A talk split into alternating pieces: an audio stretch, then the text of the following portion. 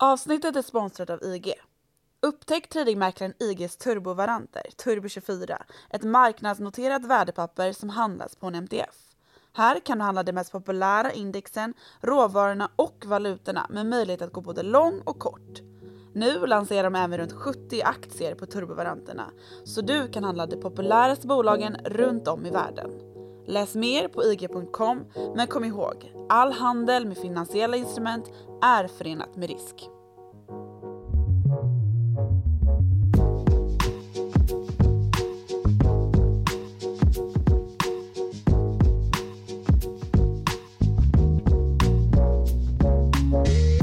Världsekonomins trevande efter fotfäste under hösten 2021, ett år som färgats av pandemin, fälldes plötsligt av en energikris som kom att spridas globalt i allt högre hastighet.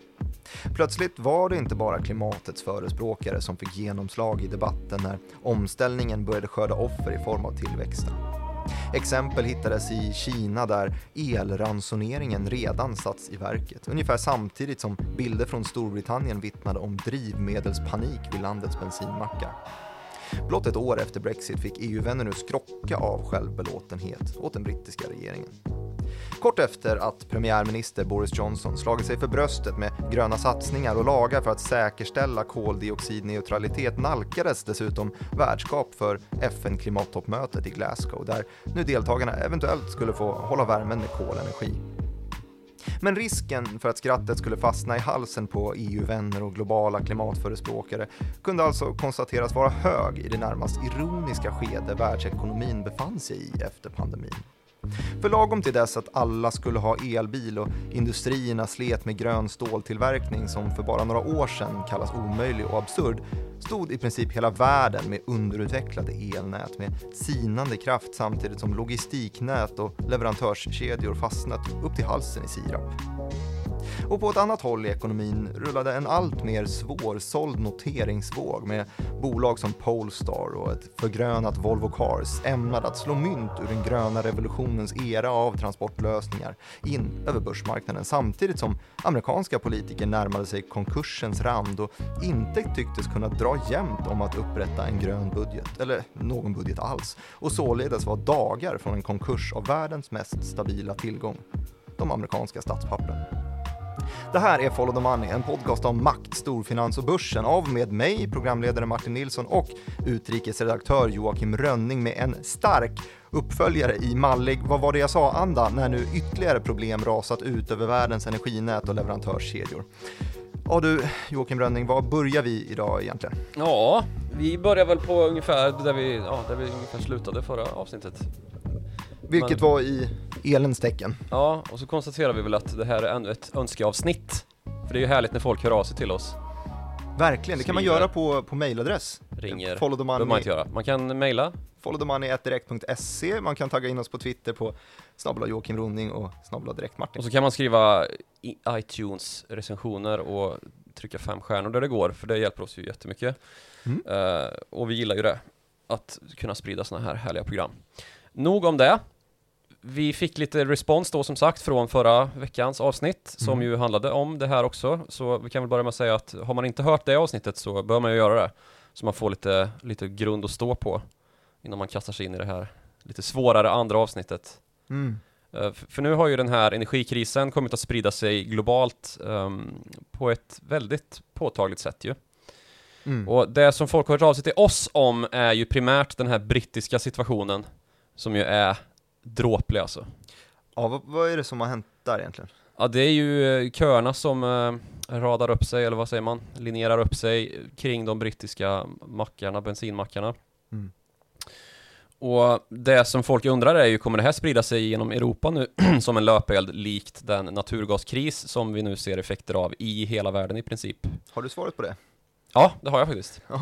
Det här är nämligen så att det är inte en utbudskris utan det är en logistik som inte riktigt går ihop i Storbritannien och det har med Brexit att göra. Aha. För det är ju så att efter Brexit så har många förare vänt den marknaden ryggen, alltså arbetsmarknaden ryggen.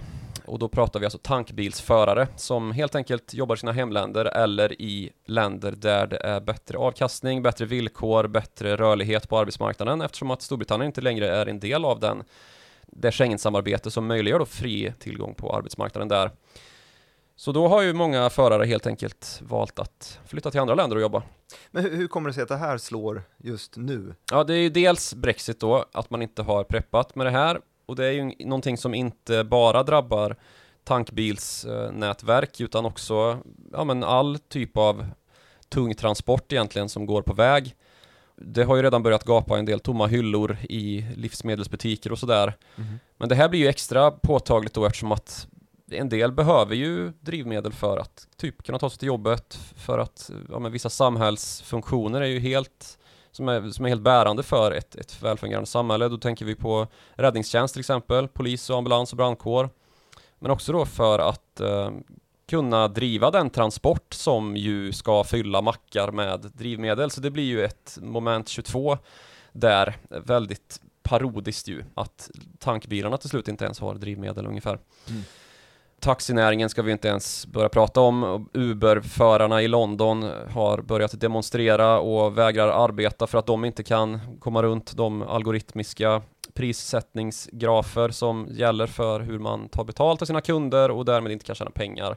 Så det är totalt kaos i Storbritannien på grund av då att det saknas just förare. Uber då, de kör med någon form av fast pris och den kan inte justeras tillräckligt snabbt för att klara av stegrande priser. Ja men den har väl inte tagit med liksom drivmedels eh, kalabalik på det här sättet. Det ska ju Nej. inte hända i ett liksom välfungerande samhälle. Så det blir väl svårt att justera för, det kanske kommer, men eh, just nu så demonstrerar i alla fall Uber-förarna i, i London.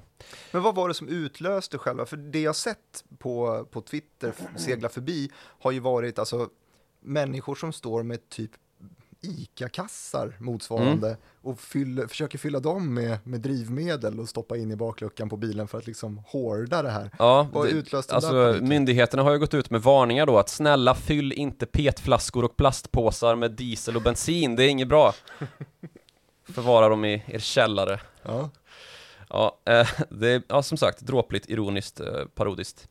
Den här bristsituationen på förare då är ju någonting som dels då Brexit, men sen också naturligtvis pandemin.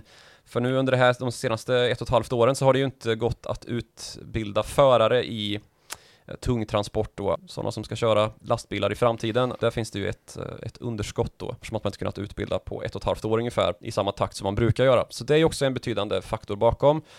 Men det saknas ju liksom omkring 100 000 lastbilschaufförer i Storbritannien just nu. Men vad, vad gör man siffra. åt det då? Man försöker då ta in arbetskraft igen genom att ge tillfälliga visum för arbetskraftsinvandring då. Det är inte många som vill komma på dem heller, kan jag avslöja. Nej. Eftersom att det är ju bättre villkor fortfarande i kringliggande länder. Dessutom kanske bättre vägar, man slipper köra på eh, liksom fel sida vägen, sådana grejer. Just det, jättejobbigt. Ja, Eh, skitjobbigt. Krångligt också låter det. Det måste ju vara en ansökningsprocess som ska godkännas. Ja, och precis. vidare. Och dessutom så löper de här tillfälliga visumen ut runt jul där. De, de förare som kan tänkas då kanske lockas till det här är ju inte EU-medborgare, utan lastbilsnäringen i Ryssland, Moldavien, Ukraina, även i liksom gamla brittiska kolonier i Västindien har ju också lastbilschaufförer, så det är väl kanske de som kommer kommer nappa på det här, men det kommer ju fortfarande inte räcka. Det kommer ju tillförse kanske en tiondel av det behov man har då om man lyckas få in 10 500 som regeringen har gått ut med. Dessutom så har ju transportarbetarfacket sparkat bakut mot det här. Brittiska regeringen under premiärminister Boris Johnson har ju nu kallat in brittiska militärens tankbilsförare på standby för att då kunna hjälpa till och försörja maxsystem med eh, drivmedel. Men det är, det är ju kaos alltså. Det är bara youtuba så får man lite filmer på det här. Så, så vad är då, då, då finns det ingen risk att det här sprider sig till, till Sverige istället? Då? Nej, och det här, den här farhågan kan väl också ha att göra med att vi har fått en rejäl prisökning på svenska pumpar också ju. Exakt. Och- men det är lite av en ett fel slut. Dieselpriserna just nu är ganska nära 20 spänn och det är ju en, vad man kanske för 10 år sedan hade sagt, nej då, får jag, då slutar jag köra, köra bil om det ska bli så dyrt. Nu Ja, är vi där, strax över 18,50 på dieselpriset och över 17 kronor på bensinen. Det var väl det som utlöste det här bensinupproret för Ja, det typ var väl två år sedan också. typ de här nivåerna 2019 där när vi också var väl och nosa på 17 kronor i alla fall. Så Men- då får du eh, damma av din gamla Gula väst. gula väst och Ja, stora nej, sluta nu. fana. Jag är väl inte samhällsomvälvare. Ja, men det, det här har ju gått snabbt också, kan man ju konstatera då. Och det har ju delvis också med, med oljeprisuppgångar att göra ju. Mm. För vi gick ju från en väldigt låg nivå när vi, när var det då? 2020 någon gång i april också väl? När Ja men det klassiska som vi snackade om ju, de här minusnivåerna på, Precis. på terminskontrakten Första terminskontrakten var nere och handlades typ till minus 30 dollar fatet för att folk bara ville bli av med dem. Det fanns inte lagerkapacitet längre när ingen köpte bensin där när, när alla länder skulle stänga igen och ja, gå hem. Exakt, och, och ska man dra det till spotpriser om vi jämför dagens nivåer som ju är ganska höga, vi ligger strax under, 70, eh, strax under 80 dollar Mm. fatet, är högre än prepandemiska nivåer. Eh, men kring den här absoluta botten så tror jag att vi var och cirkulerade strax under 20 dollar eh, fatet för bräntoljan om jag Mm. minns det här rätt i alla fall. Precis. Så det är ju en extrem ökning från, från 20 dollars nivåer till 70-80 dollars nivåer. Mm. Så från början av året så har, så har bensinen gått från 14,20 ungefär till dagens nivå kring 17 då och dieseln har gått från 14,42 upp till, till eh, 18,50 då. Och här har vi lite grann av förklaringen till varför för man ser att det är ju någonting som har hänt här, det diffar ju som bara fan mellan bensinen och dieseln. Mm. Från, alltså första har varit 20 öre, nu är det 1,50. Vad kan det bero på? Policy, Någon avgift kanske? kanske det. någon miljölag som har ställt till det för, eh, för dieseln och så är det ju naturligtvis. Det är ju de så kallade reduceringskriterierna som har trätt in här och um, att man då ska blanda in mer biodrivmedel i dieselblandningen för att man ska få sälja den. Och då blir det en liten dyrare då produktionskostnad. blir det dyrare, ja, precis. Det finns ju vissa som drabbas av det här naturligtvis från den första augusti när det här trädde i kraft och det här är ju nivåer då som, som höjs undan för undan så det här har man ju vetat på förhand då, det kan man väl kalkylera med det. Just det. Men det har ju ändå blivit noterbart dyrare då. Och, Det är ganska kul att, eh, att kika på hur mycket bensinpriset, alltså ute på mackarna, för det är det vi snackar om nu, ju, korrelerar med oljepriset. För man borde ju kunna se någon här, hur stor del är, är skatt och hur stor Mm. del är, är faktisk oljepriser. Om vi snackar botten när det, Ja, när det, i april våras 2020 2020, eh, vad kostade bensinen då? Bensin, bensinen var nere på 12 spänn då, nosade. Okej, så det har gått från 12 till 17 medan oljepriset nästan fyrdubblats. Ja, och ol, ö, dieselpriset Jag låg måste nere på kolla 13 att kronor. Då. oljepriset också är fyrdubblat däremellan, jag är inte helt säker, men någonstans där i. Ja men nästan, den var ju, alltså oljepriset var ju över 80 tidigare i veckan här så det, det var ju. Ja. Stämmer ju. Men i alla fall, där, där kan man ju lite grann utröna då, var någonstans ligger avgifts och skattenivån för diesel och bensin. Och det är ju här då någonstans eh, 12-13 kronor. Det blir svårt att få billigare sett till dagens policytryck om man ska så säga. Mm. Men det här drabbar ju, om vi ska prata lite ekonomi också då, så drabbar det ju åkerinäringen och åkerinäringens kunder och de sektorer som är helt beroende av vägtransport för att då kunna leverera och exportera sina varor och då pratar man ju väldigt mycket inom svensk industri i alla fall om skogs och lantbruksindustri. Mm. Man där har ju väldigt behov av att kunna liksom transportera ut eh, stockar ur skogen och få dem till kund precis som vad gäller lantbrukare då. Man låter inte timmermännen köra dem längs med floderna längre. Nej, och det är inte hästdragare och sådär Ja, som mina anfäder i utanför Arvika ägnar sig åt. Skogsbönder allihop. Mhm. Jag kan eh, också tillägga, jag spanade upp faktiskt en graf här medan du pratade. Ja. Vi var nere på 21,89 ungefär på Brent som lägst. Jag trodde du skulle berätta någon familjehistoria. Nej, nej, Du har inga skogsbönder bakåt i nej det har jag inte. Sopa. Ja. Jag förebådar inga köer till de svenska mackarna i närtid i alla fall. Det starkt. Men förebådar du någon form av förändring av det här, jag vet inte, omställningsscenariot som då alltså har med utbud att göra snarare än eh, energiomställning? Ska vi gå in på naturgas, är det det du menar? Ja, just det. Det Ja, pratar för vi om naturgasen har ju blivit allt mer väsentlig ju för att ställa om energinät. Pratar vi mycket om i det avsnitt som eh, man kan lyssna på från eh, förra veckan. Det är ju naturligtvis så att naturgas släpper ut mindre koldioxid. Det är ju en mindre koldioxidbärare än vad kol är. Men nu har det ju börjat bränna till då för vi har den här enorma bristsituationen i hela världen egentligen, men framförallt i Europa och, och Asien. Mm. Det här har ju lett till att vi, vi får också så kallade knock-on effects. Vad heter det på svenska? Ja, Eh, typ följdeffekter kanske på svenska. Bra. Det har visat sig då vara i första hand bristen på, också väldigt ironiskt, koldioxid. Nu har vi brist på det menar du? Ja. Ja. Typ. Och det är för att vi inte kan suga ut den ur atmosfären antar jag. Nej, men det är ju så här att eh, koldioxid är en viktig insatsvara i livsmedelssystem, i eh, sjukvårdssystem, i tillverkning av olika slag, halvledare, denna kritiskt drabbade sektor. Eh, rent praktiskt, hur är det insatsvaror i det? Men insatsvaror i livsmedel då, till att börja med, som kanske är liksom största problemet då, är ju att man använder kolsyra till att, ja, men, till exempel kyla ner med hjälp av um, kolsyreis. Man ska frysa in saker och ting. Man använder också till att få sin läsk kolsyresatt, eh, vatten och annat jox. Man kan också använda det till um, vakuumförpackning. Och vakuum är ju också svaret då på varför halvledarsektorn lider brist på detta. Som att man an- tillverkar, den här litografiska processen sker ju i vakuum när man tillverkar chip och sånt. Just det. Men, så det finns ju en bristsituation som, men framförallt då drabbar livsmedelsindustrin då i direkt form. Det är väl den första, vad var det vi kallar det, knock-on effekt på svenska? Följdeffekten. Det är ju den första då. Och, och anledningen till att naturgasen är liksom problemet här är att man utvinner koldioxid idag från gödselindustrin. Gödsel och ammoniak när man tillverkar sånt. Mhm.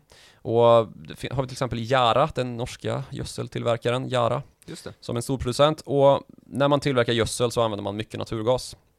Och nu när det inte finns någon naturgas så tillverkar man ju inte gödsel. Och då kan man inte heller tillverka koldioxid eller liksom använda den biprodukt som är koldioxid från gödseltillverkning. Mm. Där finns ju då förklaringen till varför vi har, lider brist på koldioxid och varför de förare som saknas i Storbritannien inte kan leverera fizzling drinks eh, och till pubbar och eh, lager som ska stå bakom. Tufft, för det lär ju också vara en, en större efterfrågan på just det i, i samband med en återöppning. Mm. Skittråkig återöppning. Verkligen. För lite fest och slagsmål. Mhm. Eh, ja, men om vi ska röra oss lite grann mot Kina då så Varför ska vi röra oss dit Därför igen? att där är det ju redan ett, ett effektuerat kaos vad gäller just elförsörjning och elförsörjningen är ju också då en följdeffekt av att det saknas naturgas för då finns det ju ingenting att försörja energisystemet med. Eller finns det ju, men inte om det inte blåser över Nordsjön då som det, som det läget är just nu Mm. och Norge inte kan leverera vattenkraft och så vidare. Det är ju skräckscenariot som att det ska utbryta i, i Europa, men i Kina så har det ju redan gått dit hän då. Att, eh, ja, folk får helt enkelt inte tända lampan hur de vill längre. Man får inte köra stora maskiner. Industrin får stänga ner delar av sin verksamhet och ja, ransonering helt enkelt har redan trätt i kraft där. Men de har inte då mm, hoppat på och kört kol istället, eller de håller fast vid miljötänket, eller vad får de att börja ransonera istället för att hitta alternativa vägar? Skulle gärna vilja säga att absolut, det är så att de inte vill köra kol. Men det finns ju problem där då att man har ja, en eftersatthet i fråga om lagernivåer av kol, alltså insatsvaran för att bränna. Mm. Och dessutom så, ja det ses ju inte så väl artat att att bränna kol i dessa dagar, i liksom okynnesbränna kol. Men dessutom så finns det ett väsentligt problem med att Kina har lagar som inte tillåter att man får höja priser mot kund hur som helst på energimarknaden. Så då är det inga producenter Och nu när det som råder som brist på kol då i de kinesiska lagren och man samtidigt har svårt att importera, dels på grund av att man har ett geopolitiskt surt läge mot Australien, där det råder liksom eh, istid i de diplomatiska relationerna. Och dessutom har en monsun som eh, vilar över Indonesien med eländigt väder som eh, gör att det blir svårt att producera kol. Så kan man inte få den därifrån heller. Och så har man Ryssland kvar egentligen som en stor kolleverantör. Och Ryssland har fullt upp med att eh, fylla igen efterfrågan i Europa och framförallt Sydkorea och Japan som ju är enormt energiberoende ju. Mm. Då återstår egentligen Mongoliet och Mongoliet har liksom ingen heller logistiklösning som kan försörja hela Kina med kol. Det är ett land som, som fraktar det mesta av sin kol via små lastbilar och inte riktigt är att räkna med vad det gäller liksom den här typen av nödlösningar har man väl kommit fram till. Mm. Och det är ju absurt i sig då att man ska behöva använda så här mycket kol och samma sak som här i, i Europa då där vi har brist på vindenergi framförallt just nu så råder det i Kina torka och där har man då problem med att eh, det finns helt enkelt för lite vattenenergi då som man brukar kunna sätta sin tillit till. Så det, det är ju något knepigt med vädret just nu. Vad kan det bero på? Ja, vad kan det bero på? Men det verkar ju som att stjärnorna just står helt snett vad gäller eh, Ja, att det här sammanfaller. Just att det inte blåser i Nordsjön säger du eh, och att det samtidigt är torka i, i Kinas vilket påverkar då vattenkraften antar mm, jag. ja. Eh, gör ju då att det här sammanfaller med en, en övrig energikris gör ju att allt blir värre. ja, det blir en global situation ju. Och det här, vad kan det leda till om vi tänker lite makroekonomiskt? Ja, det lär ju i alla fall göra så att sådana här istidshandelsrelationer kanske luckras upp eller blir värre. Tina lite. De tinar kanske. Ja.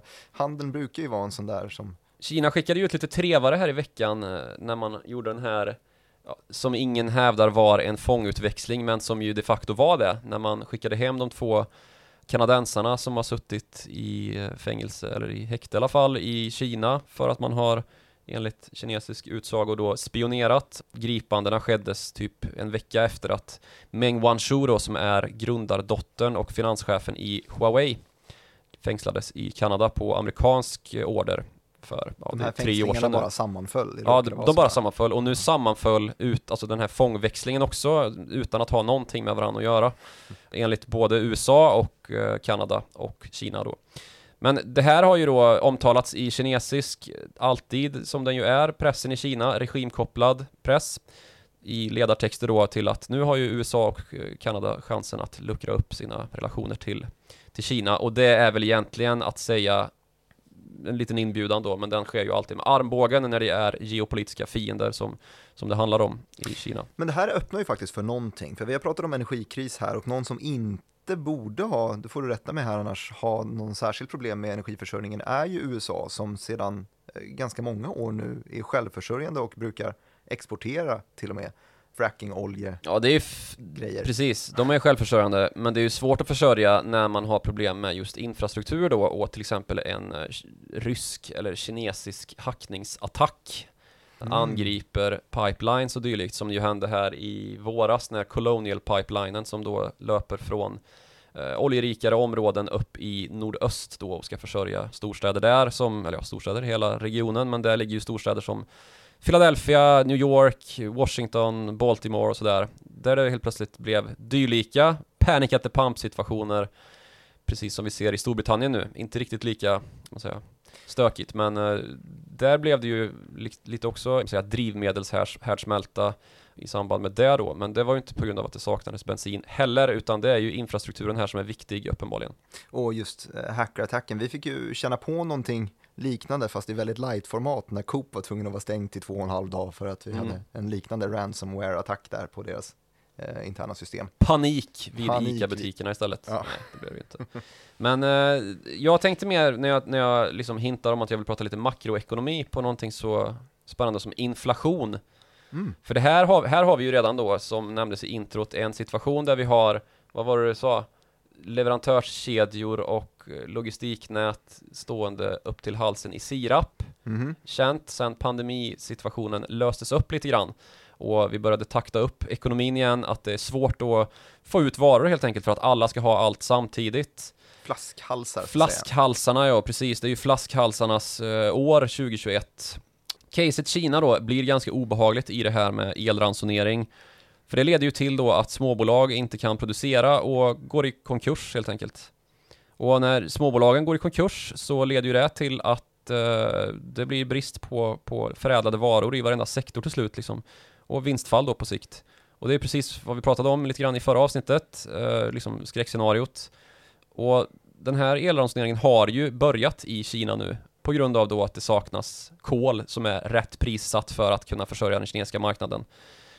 För att man inte får föra ut det på kund helt enkelt. Nu börjar det luckras upp lite grann i Kina då. Jag skrev en text här under morgonen om att, att Kina enligt källor till flera nyhetsbyråer är på väg att tweaka lite grann i sina regler för att kunna just föra över på, ja, alltså köpa dyrare kol och föra ut kostnaden på kund då. Men flera fabriker har redan fått stänga, bland dessa eh, halvledarindustriella sådana, som försörjer bland annat Apple, Tesla och Intel med chip. Hyfsat eh, väsentliga bolag, framförallt de Det är ju en två... sån här sektor som redan tidigare haft ganska stora Ja, problem. ju. precis. Det är ju ett sorgebarn just nu. Och på vissa håll då i industritäta nordöstra Kina där det är särskilt mycket problem så har ju de här ransoneringsåren gått så långt som att liksom butiker nu lyses upp med stearinljus istället för elektriskt ljus. Mm. Trafikljus har släckts, hissar fungerar inte, telekomnät har stängts av. Och det har till och med gått så långt att man har från regionala myndigheter, eller lokala myndigheter, börjat varsla om att ja, ni kanske inte har vatten i kranarna snart. Hur länge tillåter man sånt här då? Nej, det tilläts ju inte. Så då gick ju Pekings centralkommando ut och sa att app, app, app, nu får ni lugna ner er. Det ska inte bli någon vattennedstängning och det är ju det här liksom scenariot att det ska leda till social oro. Att man inte ska kunna, Så, så det, det finns lite vatten ändå? Eller man... ja det, alltså man kommer ju lösa det här på något vis. Och mer kol är ju lösningen. Och det är ju på väg nu då, enligt eh, nyhetsbyråernas källor, att, att bli en sån lösning att man man köper dyrt kol helt enkelt och bränner det i sina egna. För det, det är inte så att man saknar kapacitet i där då till skillnad från bensinen i Storbritannien och när Colonial Pipelinen eh, stängdes av i, i, i USA så är problemet med insatsvaran inte med infrastrukturen för det finns verk, alltså kolkraftverk att bränna kolet i som inte går för full eh, effekt då. Mm.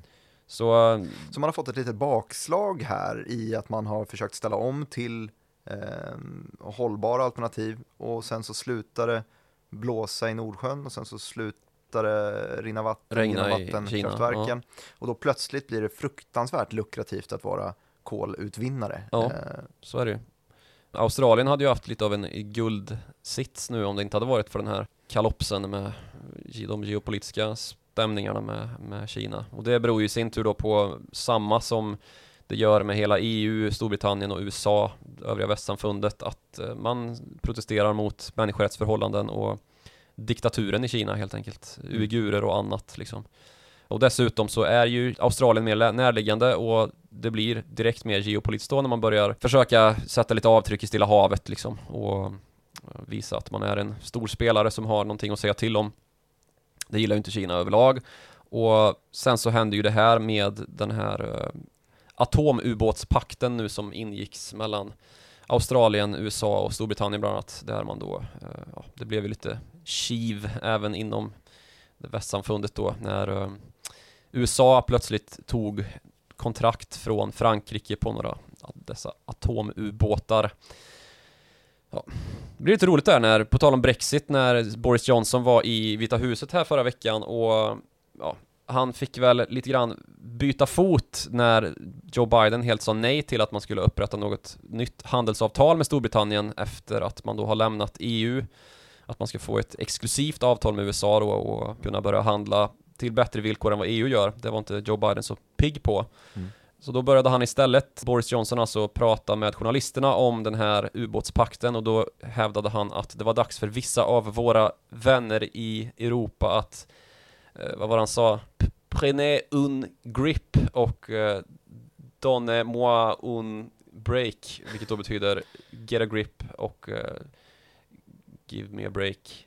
Och det, han var sur på... han var sur på, på Frankrike. igen, ja. Han tyckte Frankrike var töntar som höll på och eh, sura för det här, att man inte fick sälja ubåtar till Australien för typ 40 miljarder dollar. Ja, det förstår jag att man blir sur på Ja, också. men det, så det var ju en den rolig eh, diplomatisk... som vi har här i väst sinsemellan, medan det är då så eh, allt kyligare just eh, mellan eh, Kina och USA och mellan Australien och Kina till exempel. Ja, precis. Det här är ju en, det här är ju inget att liksom, det är inget som hotar det västerländska samarbetet naturligtvis, rent diplomatiskt. Eh, Där är ju alla på samma sida mot Kina naturligtvis, men det är ju ändå en intressant händelseutveckling här med den här ubåtskrisen som, som har utbrutit med, mellan eh, Storbritannien och USA och Frankrike då. Men du, hur, eh, om vi vänder blicken nu, om, vi, om du vill lämna Kina med mig eh, och istället resa till Vi är så mycket där så vi kan, vi kan besöka någon annan plats lite snabbt. Verkligen, för någonting som påverkar den här energiomställningen på internpolitiskt amerikanskt håll är ju budgetpropositionen som kanske inte verkar gå igenom. Det är en Nej. gigantisk storlek på budget och en stor del av de här budgetposterna skulle då gå till eh, grön energi, eh, omställning och bygga om infrastrukturen. och. Jättemycket ju, mer än någonsin, typ 4500 miljarder dollar ju i sociala och infrastrukturella satsningar och det här har ju Republikanerna sparkat bakut mot och det är ju totalt gridlock i senaten just nu. Men hur kan det bli det? För det här var ju någonting som man snackade om under valet Mm. Just när Biden skulle ta makten så var man så här, ja, när Biden tar makten, det är då vi kommer få den här gröna omställningen i USA också. Vi kommer få mycket mer pengar till den gröna sidan eftersom att han är mycket mer pro det än vad Trump varit tidigare. Eh, och det Ja, han var gör inte så att, pro. Han var inte så pro, nej, stryker Parisavtalet. Eh, men eh, det var ju som att man prisade in att gröna aktier skulle gå väldigt bra om Mm. just Biden fick makten. Och det Ja, gjorde jävlar vad det prisades in och sen Otroligt. nu har avprisats om man säger så. Nej, då har det alltså avprisats för att han har inte så stor makt som man trodde. Nej, så kan man väl konstatera att, att det är. För att klubba igenom en budget, vilket alltid nästan kräver eh, ganska så tuffa förhandlingar. Det är, ju, det är ju det här som liksom lägger grunden för att utföra den politik som man pratar om i, i valkampanjer och sådär. För att få igenom en budget så krävs det då i en senat där det sitter 100 ledamöter att man har 60 röster. Så du måste alltså driva in i nuläget då när det är 50-50 och Kamala Harris, alltså vicepresidenten, har avgörande rösten. Eh, så, så Demokraterna har ju de facto majoritet då med 51 i eh, senaten. Men problemet är att då du behöver 60 och du måste driva in då röster ifrån, ifrån Republikanerna. Och då blir ju bekymret att Republikanerna här har vägrat. Man håller den här 3500 eh, miljarders budgeten, det här tillägget i budgeten för helt gröna satsningar och dessutom då eh, ytterligare 1000 miljarder i sociala satsningar som man kallar det över huvudet som en yxa på eh, den demokrat framlagda budgeten då. Extremt polariserad debatt Ja, då, där de absolut inte vill få, in, få igenom det här. Och nu är ju staten USA på väg att gå i konkurs då enligt den debatt som förs i senaten. Det kommer ju inte hända. Varför? Nu, nu tycker jag du sabbade min, min eh, saga här om.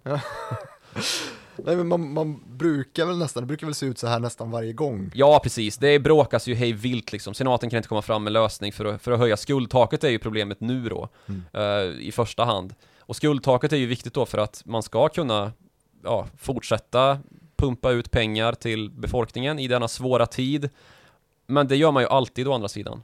Mm. Donald Trump och Republikanerna under de senaste fyra åren var ju världsmästare på att höja skuldtaket.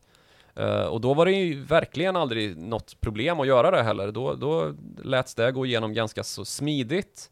Men det blev ju trots det då 2018 en nedstängning av staten när, man, när det dröjde så att få till en, eh, en liksom signatur på budgeten på grund av då att Donald Trump ville ha stora avsättningar, eller för stora enligt Demokraterna, avsättningar till den här muren mot Mexiko som aldrig riktigt blev, blev av ju.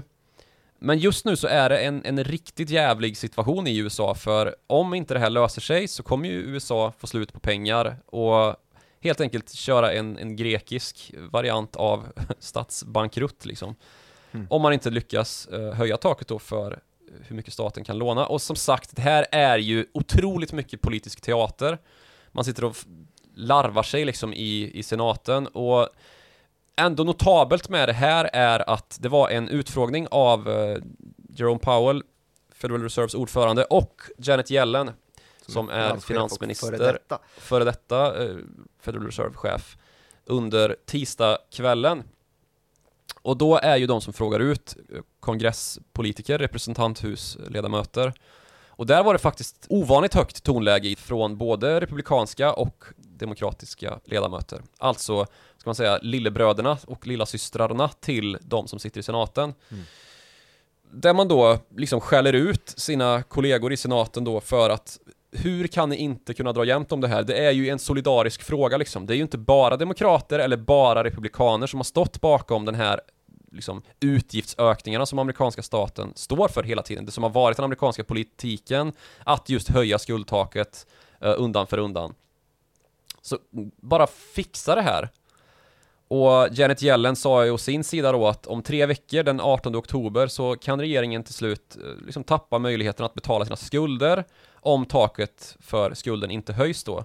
Och representanthusets ledamöter tycks ju vara väldigt liksom ense om att det är så här det ligger till. Mm. Och att det nu då liksom är ganska så snäva tidsramar för att lyckas med det här då.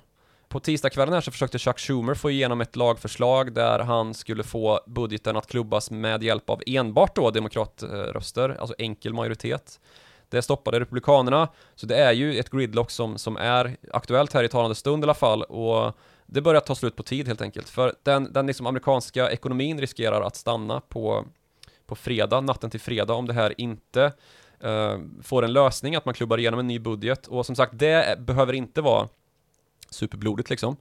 Men om man inte får till en, en snabb lösning på det, som sagt nedstängningar händer lite titt som tätt.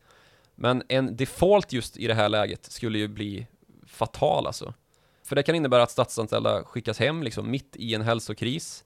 Och beräkningar som är ganska enkla att göra visar att det skulle kosta USA ungefär 6 miljoner jobb. Mm. Och det, om man ska titta på siffror då, procentuella arbetslöshetstal, så skulle den rusa från omkring 5% som den ligger på nu till 9%. Och det i sin tur skulle omedelbart skicka USA rätt ner i en lågkonjunktur och med USA hela världen. Och det är dessutom helt liksom, förbluffande när man tänker på ur liksom, perspektivet banksystem.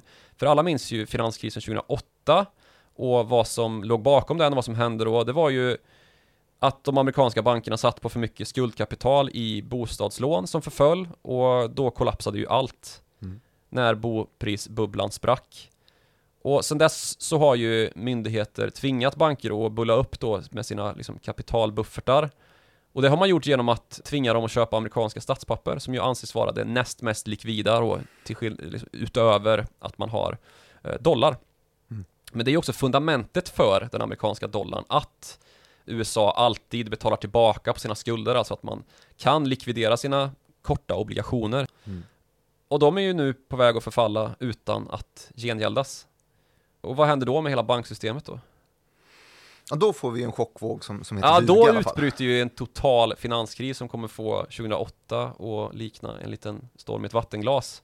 Så, du menar köp bitcoin? Eller vad var liksom summa summarum ja, här? Men som sagt, det här är ju bara en teater liksom. Det är ju trams. Men man förstår i alla fall att det är en, en stor politisk punkt just här. För att mm. det har ju aldrig varit så pass mycket att en budget är menad att ta bort vissa jobb och lägga till andra jobb. Och man tar ju bort jobben från republikanernas väljare, alltså typ mm. frackingindustrin. Precis. Och så lägger man till jobben i, i en annan sektor där ja. de Precis som med liksom bensinkrisen i Storbritannien eller en eventuell, liksom, eh, vad ska man säga, bara höjningarna. Alla de här bensinprisupproren är ju präglade av landsbygd liksom. Mm. Och i landsbygden i USA, som är den som drabbas hårdast av energiprisuppgångar, precis som i alla andra länder, för att man behöver ta sig till ställen. Bensinprisuppgångar kostar mer för landsbygden för de åker mer bil helt enkelt.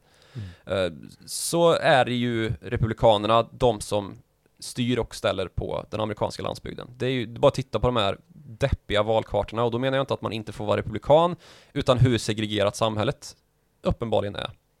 Och liksom att, att man är så långt ifrån varandra. Det finns ju inte en, liksom, titta på valkartan, den är det är absurt att det ser ut så. Alla urbana områden är demokrater och alla... Ja, alla storstäder är demokrater, hela landsbygden är republikan ungefär. Förutom på den liksom eh, tillväxtområdena vid kuster då såklart, så är det ju också alltid när det gäller eh, modern politik. Mm. Och det är också det som har lett till att det stöpts ny gräsrotsrörelse för Republikanerna under Donald Trump ju, som tilltalade de här väljarna på ett helt nytt sätt ju. Mm. Så det kan man ju diskutera väldigt mycket om, men det jag försöker komma fram till då med den här storm i ett vattenglas liknelsen och hur de amerikanska bankernas hela säkerhet är de här obligationerna då som eventuellt blir värdelösa om nu USAs eh, statsapparat inte klarar av att betala tillbaka när liksom bankerna behöver likvidera de här då. För att ställa ut nya lån och fungera helt enkelt, ha likviditet. Det är ju så stort om en sån sak skulle hända och det vet alla. Det vet Janet Yellen, det vet Jerome Powell, det vet även Mitch McConnell som är Republikanernas ledare i senaten. Så det här kommer ju inte ske liksom, vågar jag spå. Ja men det, det spår nog de flesta att man kommer i alla ja, fall... Och det är bara att titta på hur dollarn har rört sig här de senaste dagarna. Mm. Ja, visst, amerikanska räntan har gått upp lite grann, vilket ju tyder på att, eh, ja, riskflykt helt enkelt, men ja, det behöver man ju inte likställa med att alla tror att liksom, amerikanska staten ska gå i konkurs när räntan ligger på strax norr om 1,5 procent liksom på 10 års eh. Men du, någonting som i alla fall, om vi kan ringa in det vi har pratat om i hela avsnittet här. Vi började i Storbritannien, vi har snackat lite Sverige, vi har snackat Kina, USA, så någonting som är den gemensamma nämnaren är ju just det här elbehovet ja, på något sätt. Energibristen. Och det ser man inte minst i, eh, i IPO-sektorn tycker jag, för att det är så jäkla mycket bolag som försöker ta del Ja, av... visst är det, det känns inte som att det är ganska mycket just nu dessutom i den här kretsen av bolag som ska skapa och dra nytta av och tjäna pengar på i förlängningen då Mm. den moderna, den moderna elektrifieringen av hela energisystemet. Mm. Polestar till exempel kom till Ja, ju. precis. I och för sig via en liten bakväg, eh, SPAC. SPAC. alltså, Man är sent ute i den SPAC-håsen som ju är ganska död i övrigt. Ja, faktiskt. Vet inte. Men, och knepig, jag, jag är ju ingen analytiker. Känner, det. känner man till om man lyssnar på den här podden och jag tycker aldrig någonting. Nej. Men jag noterar ändå att det är en anskrämligt låg free float i, alltså aktier som då kommer sättas ut till handel i Polestar genom den här SPAC-noteringen av Gores Guggenheim som bolaget heter, det här Just SPAC-bolaget. det. Och free, 6%! mm. det, är, det är lågt och, och free float ska vi väl kanske också berätta är ju just det här antalet aktier av de totala som finns ute till handel och det är ju en ganska eh, godtycklig siffra eftersom att det beror ju på vad man erbjuder för pris. Eh, men om bara 6% av aktierna, då brukar man räkna då att de som ägs av institutionella och insiders och så vidare, de räknas nog inte till free floaten. Så att det är bara 6% av de övriga ja, 94 procenten som, eh, som faktiskt går att köpa och sälja. Och det gör ju att det är en väldigt liten del av aktierna som styr vad aktiekursen hamnar på. Det öppnar för att det blir väldigt slagigt på något sätt. Mm. Och jag var förvånad över att man fick göra så här. Och det här kanske någon av de här SPAC-bestämmelserna helt enkelt som inte tar hänsyn till just free float. För att jag för mig att på Stockholmsbörsen på huvudlistan så är det ett krav på att det ska vara åtminstone 25% free float för att man ska få notera sig och bara det är lågt. Jag vet att jag intervjuade ehm, ja, en före detta Nasdaq-anställd som pratade om problemet med free float i H&M för två år sedan eller så. Eh, och då var problemet just att eh, Stefan Persson eh, med familj köper upp eh, löpande aktier i H&M och äger över hälften av aktierna och då, eh, de skulle ju inte låna ut några av sina aktier till blankning till exempel, Mm. vilket betyder att om det finns väldigt få antal aktier som är ute och handlas i marknaden så är det väldigt dyrt att blanka en aktie och på så sätt blir det en liten självuppfyllande profetia att aktien går högre. Mm. Den blir liksom hygienfaktorn i hela aktiemarknaden eh, kompliceras om det inte finns en tillräcklig free float. Så därför är det jättemärkligt att ha bara 6% i free Ja, float om så det, det, det. kommer ju bli en pop or drop ehm, notering förmodligen första handelsdagen där i, i Polestar. Mm. Som ju också är ett bolag som eh, man kan lyfta lite ja, De äger ju till exempel ingenting av sin egen teknik riktigt. Det är ju en Geely-bil. Mm. Eh, man har sitt varumärke som är coolt. Det är ju snygga bilar alltså. Otroliga. Uh, skitsnygga verkligen. Ja.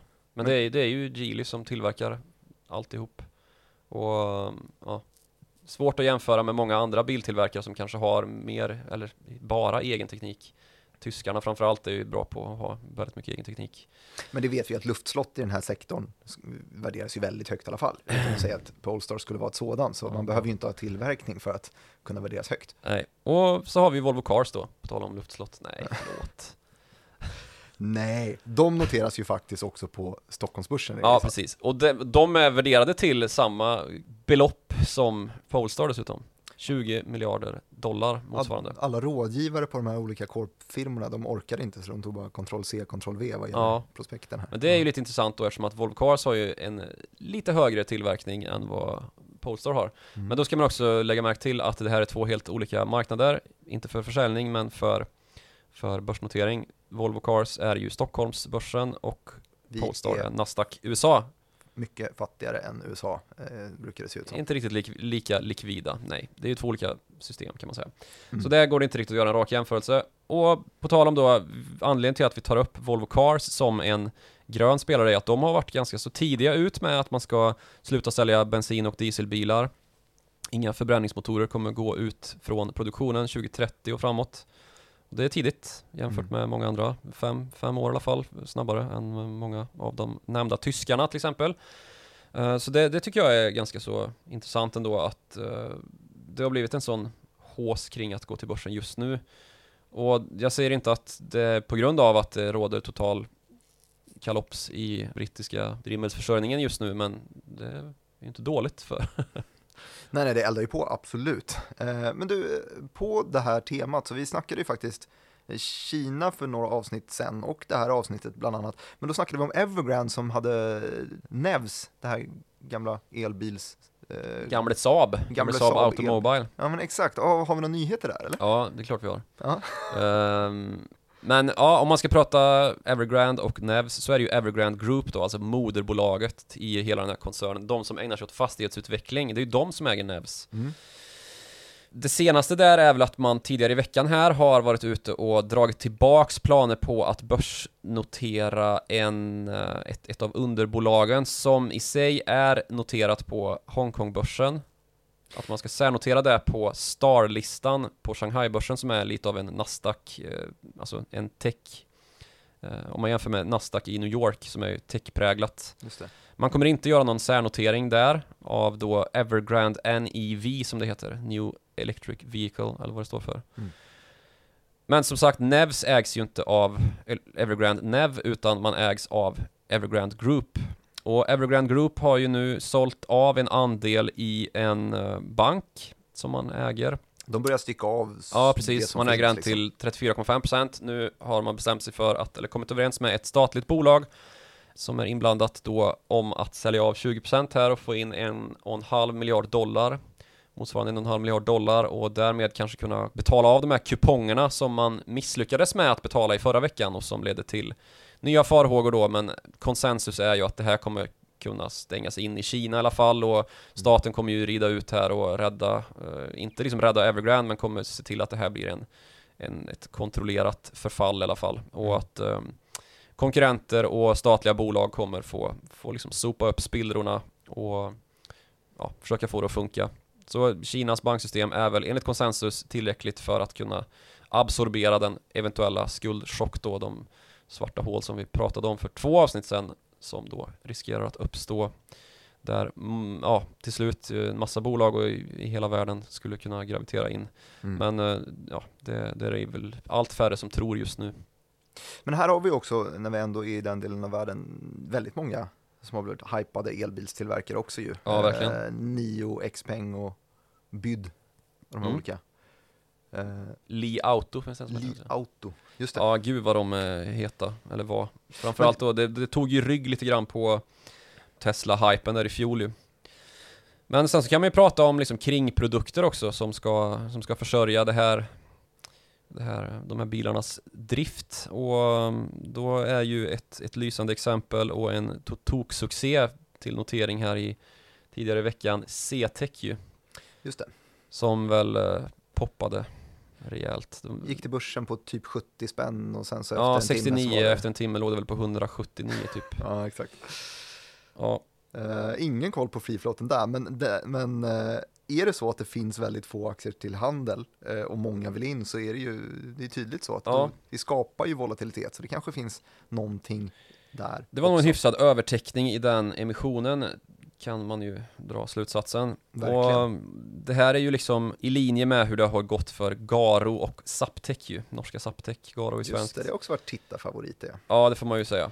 Uh, handlas upp rätt duktigt här i senaste åren. Men det här håller ju också faktiskt i... Uh... Och det har vi sagt ens att de håller på med laddare då, alltså laddinfrastrukturen, att man ska kunna ladda sin bil. CTEC är premiumladdare och Saptec vet jag inte. Bara vanliga laddare kanske? Laddare och sen är väl Garo också laddare. Just det. Men någonting som vi pratade om innan det här avsnittet var ju just att det här är ett tecken på, på någonting större, just tecken på elbehov. Just att det kommer så många olika aktörer på den här mm. sektorn. Det blir väldigt hypat, många äger dem. Alltså aktieägarstrukturen på de här bolagen är ju helt vansinnig också. Det är liksom fler som äger eh, kinesiska elbilstillverkare än vad som äger JMP och Cloetta tillsammans ja. ungefär på svenska börsen. Eh, men det som det här ringer in är ju att eh, vi kommer använda mer el i framtiden än vad vi gör idag. Mm. Men enligt eh, branschorganisationer som kanske kommer överskatta den här siffran så snackar de om 120% mer elförbrukning till 2045 än vad vi förbrukar idag.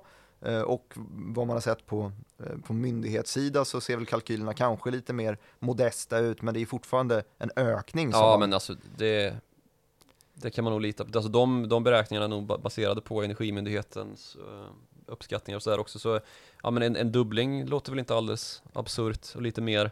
Mm. Och då är det alltså med gröna energislag vi ska göra det här. inte kol. Och dessutom i kraftnät som ju är så paj och underutvecklade och eftersatta att det ju låter svårt. Mm. Samtidigt då som vi ska ha klimatmål intakta och uppnådda.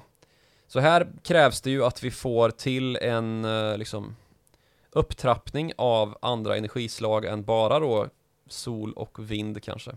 Även om det är väl är de huvudkomponenter som, som ska tas in i, i den här eh, energimixen. Mm. Vi pratade om kärnkraft ganska mycket förra veckan.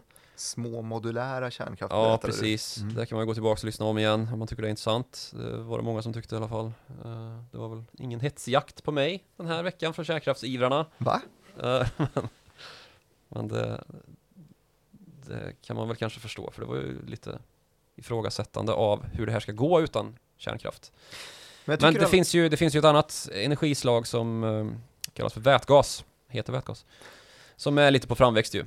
Men det här handlar väl mer om just lagring, vätgas? Ja, det kan man ju säga. Men eh, det är ju också då ett sätt att, eh, alltså det, det är ju ingift i energisystemet naturligtvis. Men det är ju ett annat sätt att generera el på än, än att ta det via kraftledning. Mm. För det här är ju någonting man laddar i ett fordon, det här är ju för tunga transporter framför allt. Ehm, och för att driva tunga transporter så finns det liksom inte tillräckligt effektiva batterier i nuläget. Så litiumjonlösningen är liksom inte möjlig för att göra tung transport eh, en förtjänstfullt när liksom halva lastbilens vikt behöver vara ett, ett gigantiskt batteri då som ska dra den övriga tyngden i, i lastbilen. Mm. Så där är ju vätgas en, en bättre lösning då, har man väl kommit fram till på det stora hela. Och där finns det ju väldigt många svenska bolag då när man tänker sig att man ska tanka en lastbil som laddar ett batteri då genom, genom att eh, dra den igenom en bränslecell.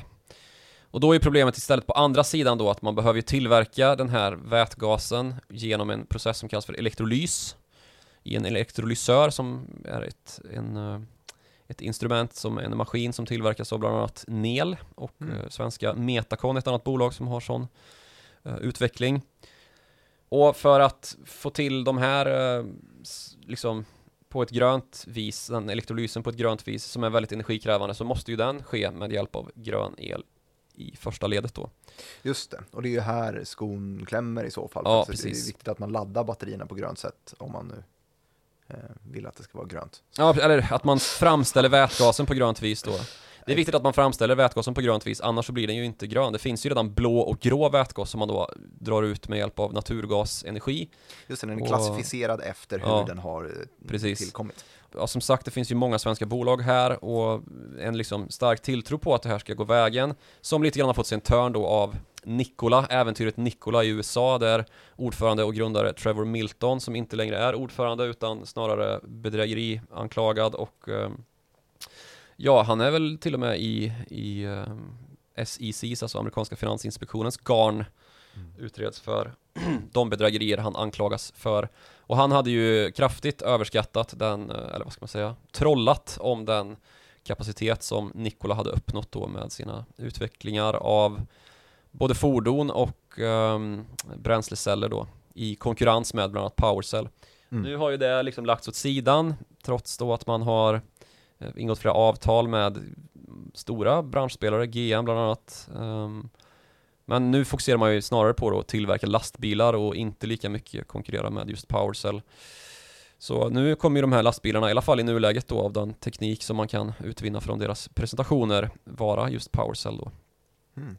Ehm, så, så här finns det ju kanske en, en liksom krok att hänga upp lite nordisk industri på. Norge har ju kommit betydligt längre, de har ju utöver NEL också Hydrogen Pro och um, Everfuel, två stycken bolag som, som har lite större Eh, börsvärden än vad de svenska har som ju är rätt små fortfarande. Men du, att haka på den här IPO och elbehovet-temat eh, som vi har pratat om nu på senaste, så eh, vi har ju ett program på torsdagar som fokuserar på just IPOer, så jag snackade med eh, reporten där, Adam Wahlfeldt, som också jobbar på nyhetsbyrån här, som du ju känner väl. Eh, och ett av bolagen som han sneglar på nu och ska försöka hitta någon intervjutid med som är eh, aktuella heter Netel Mm, det. eh, tillgodoser väl en del som inte så många bolag har varit eh, aktiva i. Eller det känns som en liten eftersatt del av den gröna omställningen, just den här Ja, det är det ju, verkligen. infrastrukturen Eh, Precis, det. de håller ju på med kraftnäten då liksom, eh, infrastrukturen för att få ut en- energin och det är ju ett stort problem som vi nämnde här när vi tog upp att eh, en- energibranschen spår att det svenska eh, energibehovet kommer ha gått upp med 120% till 2045 Eh, och Netel är ju då en spelare som ska försöka komma in här och eh, göra väsen av sig och på väg mot notering. Vi vet ju egentligen inte mer, prospektet har väl inte ens kommit Nej, än, det är bara anmält att det är på, på väg. Sen så har vi större bolag som alltid tas upp i sådana här elektrifieringsrekommendationslistor när de stora bankerna gör sina liksom, tema-rankingar av bolagsaktier som kommer dra nytta av elektrifieringen av samhället. Då är det ju inte liksom eh, Polestar och vad ska man säga Tesla som är högst upp på agendan aktierna, utan gamlingarna. Nej precis, då är det ju de här stora försörjarna som, som liksom tillverkar utrustning som ska användas i själva kraftnätet och då är ju ABB en spelare som nästan alltid tas upp Just det. som ett långsiktigt case. Och där har vi också en, eh, ett bolag som heter Schneider Electric. Just som, det, det är eh, ABB-konkurrenten. Schneider Electric va? Och även General Electric är ju ett bolag som har mycket där. Mm. Och det, om man vill köpa en aktie med lågt PE så har ju det varit en stark eh, affär på senaste tiden. För det har ju varit ett bolag med stora problem. Mm. För att man har ägnat sig för lite åt just den verkstadsindustri som man ju var duktig på och lite för mycket åt eh, finansiella äventyr. Höll ju på att kollapsa vid finanskrisen, det där bolaget. Mm. Men om man ska sammanfatta lite grann det här så, så börjar ju kanske opinionen vakna i fråga om det här med kraftnätet och att vi har ju uppenbarligen problem med att försörja oss med bara den el som vi behöver och det kommer också bli problem med kraftnätet när vi inte då har infrastrukturen för att få fram från, från liksom kraftgenerator till bruksändamålet då i en industri eller i en lampa i våra hem liksom. Ja, men det nämnde du i förra avsnittet att det är en stor del av just kraften Mm. som, som försvinner i ledningarna helt enkelt. Precis. Och det är väl mycket därför också de stora nya norrländska vågen av bolag som vill etablera sig där uppe. Northvolt Ja, precis. har vi Det är ett lysande exempel med ett bolag som ska tillverka batterier i, ja, blivit ett jättebolag på väldigt kort tid. Tecknat avtal med halva bil, bilvärlden känns det som. Mm. Och det är ju ett, lite bekymmersamt då, för det står inte så mycket vindkraftverk uppe i Skellefteå som det skulle behöva göra för att man ska kunna försörja alla dessa storspelare som, som tar plats där uppe. Finns ju 3000 serverhallar där också som är hyfsat energikrävande, Facebook och sådär. Men just det. 3000 personer hörde jag att de skulle rekrytera där uppe och typ i, i med den, bara den siffran vända den här urbaniseringstrenden som annars har varit att folk flyttar ut från Norrland. Coolt det där. Mm, det är coolt.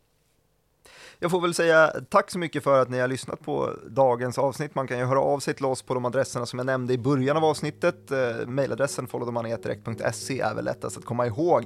Och sen så finns vi ju på Twitter som ni vet. Tack så mycket för att ni har hängt med på det här In med avsnittet. recensera oss nu. Ja. Fan. iTunes. Ja, gör det.